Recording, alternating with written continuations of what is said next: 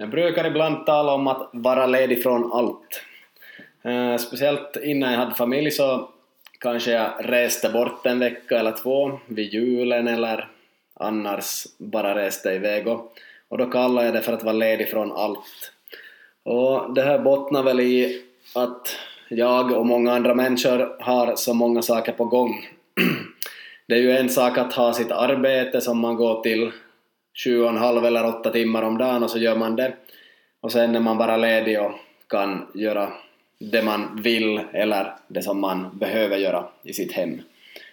Men att har man många saker på gång, tränar andra människor i idrott, kanske har något till deltidsjobb eller ja, allt möjligt, är med i någon förening annars bara eller eh, idrotta med flera saker så det tar ju väldigt mycket tid och man måste engagera sig på väldigt många olika sätt.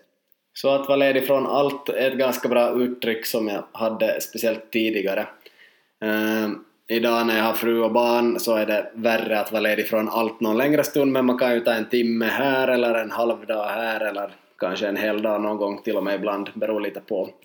Men se till att hitta era stunder och det går att vara ute i naturen eller sova vid en sommarstuga, tälta, vad som helst. Ta sig bort, helst ett par dagar eller någonting. Och, och frågan är ju då vad man ska göra. Man kan vara ledig från allt, man, be, man, man behöver inte göra någonting men det går ju bra att uh, göra någonting i alla fall kanske röra på sig och höra på någonting avslappnande som man blir glad av. Det kan vara musik eller mental träning eller vad som helst förstås. Så det är nog ett tips att vara ledig från allt. Och just det här att våga vara lat också, det kan behövas emellanåt i vår, i vår hektiska vardag. Så våga vara slö och lat varje dag en viss stund.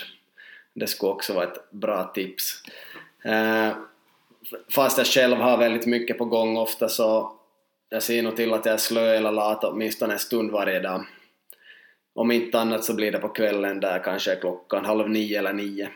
Eh, de flesta dagar i alla fall. Då brukar jag ta det ganska lugnt den tiden. Och, och se till om ni inte har så mycket tid att ni inte är på mobilen då heller eller något annat dumt som ändå håller igång er hjärna, utan låt hjärnan slappna av lite också. Sen det här då ni jobbar så kan man tänka också att kortisolnivån låter oss jobba hårt fyra timmar i sträck, sen behöver vi en paus och sen kan vi jobba fyra timmar till ganska bra också. Men att högst fyra timmar och sen paus. Utan att gå in desto mer på det här nu. Men i alla fall några tips kring jobbdagar också, att om ni har möjlighet så gör en rolig sak mitt i jobbdagen varje dag. Eh, för många är det väl lunchen som kan vara den där roliga saken, så fundera då hur ska ni spendera er lunchtid? Ska ni äta den ensam eller med kollegor? Ska ni äta den på ett tråkigt ställe eller på ett roligt ställe? Vad ska ni äta? Ohälsosamt eller hälsosamt? Men jag skulle säga den här lunchen kan man ju satsa ganska hårt på. Och det kan också löna sig att komma tidigare till jobbet för att hinna ta en längre lunchpaus. Eh, jag har också gånger då jag äter på 10 och 20 minuter men ofta försöker jag att få det till 30 till 60 minuter eller kanske till och med längre ibland. Och då gör jag lite mer än bara äta på den där lunchpausen. Då äter jag först förstås och sen eh, går jag ut och går, tar frisk luft, samlar steg i min stegmätare i, i aktivitetsarmande alltså och eh, kanske går i butiker, ser på några saker, köper någonting som jag har funderat på att köpa. Så att jag helt enkelt kopplar bort jobbet en god stund. Speciellt om jag är inne i en hård jobbfas. Så gör det här varje dag, gör någonting roligt mitt i varje jobbdag. Kanske kan man också hitta någon vän som kan komma på lunch en viss dag, eller komma på kaffe, eller vad som helst, eller ut och gå en stund mitt i dagen på lunchpausen. Jag tror att vi lite överskattar våra arbetsplatser ibland, att vi ska jobba, jobba, jobba, äta snabbt och sen jobba, jobba, jobba. Eh, arbetsgivarna vinner inte heller på det här, utan det, det är bättre om vi förstås jobbar stenhårt, speciellt på morgonen då vi är kreativa och effektiva. Sen tar en vettig paus där man kopplar bort ordentligt och sen kommer tillbaks och gör mer jobb. Och på det viset tror jag att vi blir mycket effektivare och får mer gjort. Så det är sällan som det är antalet timmar som gör att vi får det bästa gjort, utan det är mer det här att, att vi gör någonting bra då vi gör det. Att, att de där minuterna vi är där så gör vi det 100% hellre än att vi är där och gör 50% hela tiden. Så lite den inställningen kan jag ofta ha till arbete.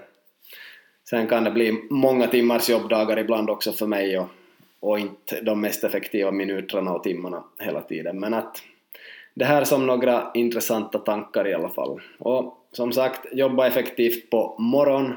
Det är det bästa tipset jag har. De bästa timmarna är före 12. Och se till att ta pauser också här i, i era morgontimmar då ni jobbar. Um, det finns olika tekniker. Vissa jobbar en timme stenhårt och med full fokus. Se till att inte mobilen och inga kollegor och ingen annan kan störa en under den timmen och sen tar man en 10 minuters paus, kan göra någonting och sen jobbar man kanske en timme till på samma sätt. Och redan att få två, två sådana ostörda timmar är ganska bra jobbat. I dagens läge vill jag påstå i alla fall. Sen finns det någonting som heter pomodoro-tekniken. Man eh, studerar eller jobbar eller vad man än gör 25 minuter och har igång ett larm. Och då 25 minuter har gått så ringer larmet. Och var man än är, fast man är mitt i ett mail, så avslutar man direkt och går bort 5 minuter och gör någonting annat, vad som helst, ut och går, läser tidningen, någonting, någonting avslappnande, vad som helst, 5 minuter bort och sen kommer man tillbaks efter 5 minuter och ställer in larmet på nytt då man kommer tillbaka så har hjärnan automatiskt behandlat det man höll på med och det är enkelt att fortsätta.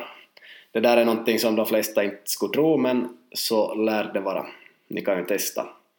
Och sen 25 minuter till och 5 minuter paus. Så det här är ett sätt att också få lite motion i vardagen och att man inte sitter för länge motverkar det ju också. Så ganska intressant den där pomodoro-tekniken. Så ni kan ju fundera mer på det där.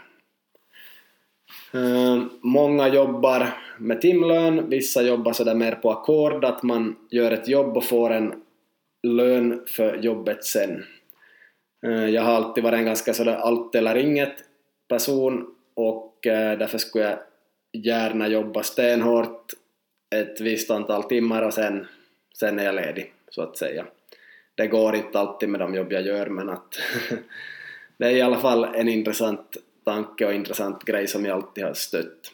Sen vet jag att många andra tycker om att jobba just det där åtta timmar och kör på i en viss takt i åtta timmar men att respekt för båda sätten att tänka och jobba tycker jag man ska ha och äh, allting funkar och vissa saker funkar bättre för vissa människor och vissa saker funkar bättre för andra människor. Men att ja, tyvärr sitter väl väldigt många på jobbet och sitter av sin tid lite som i ett fängelse tyvärr så jag tycker att om man är på jobbet så jobbar man ordentligt och så tar man ordentligt med paus emellanåt. Ja, no, men nu blev det ganska mycket jobb på slutet här men det som inlägget handlade om egentligen var att våga vara slö och det passar ju bra här inför julen så våga vara slö varje dag en viss tid åtminstone så att ni får slappna av och hjärnan får vila. Och fundera då på hur hjärnan riktigt får vila, att ni inte på mobiltelefonen och inte heller kanske ha på TVn utan ni kanske bara sitter och tittar på någonting. Kanske på er julgran eller tittar ut genom fönstret. Så. Se på någonting, ta det lugnt. Eh, sätt inte desto mer fokus på hur någonting är utan ledig från allt, det var budskapet här. Tack för att du lyssnade på dagens avsnitt. De här lifehack-avsnitten kommer nog att komma varje vecka. Och eh, meningen är att man ska få tips i livet och tänka på hur man lever sitt liv och komma framåt och utvecklas.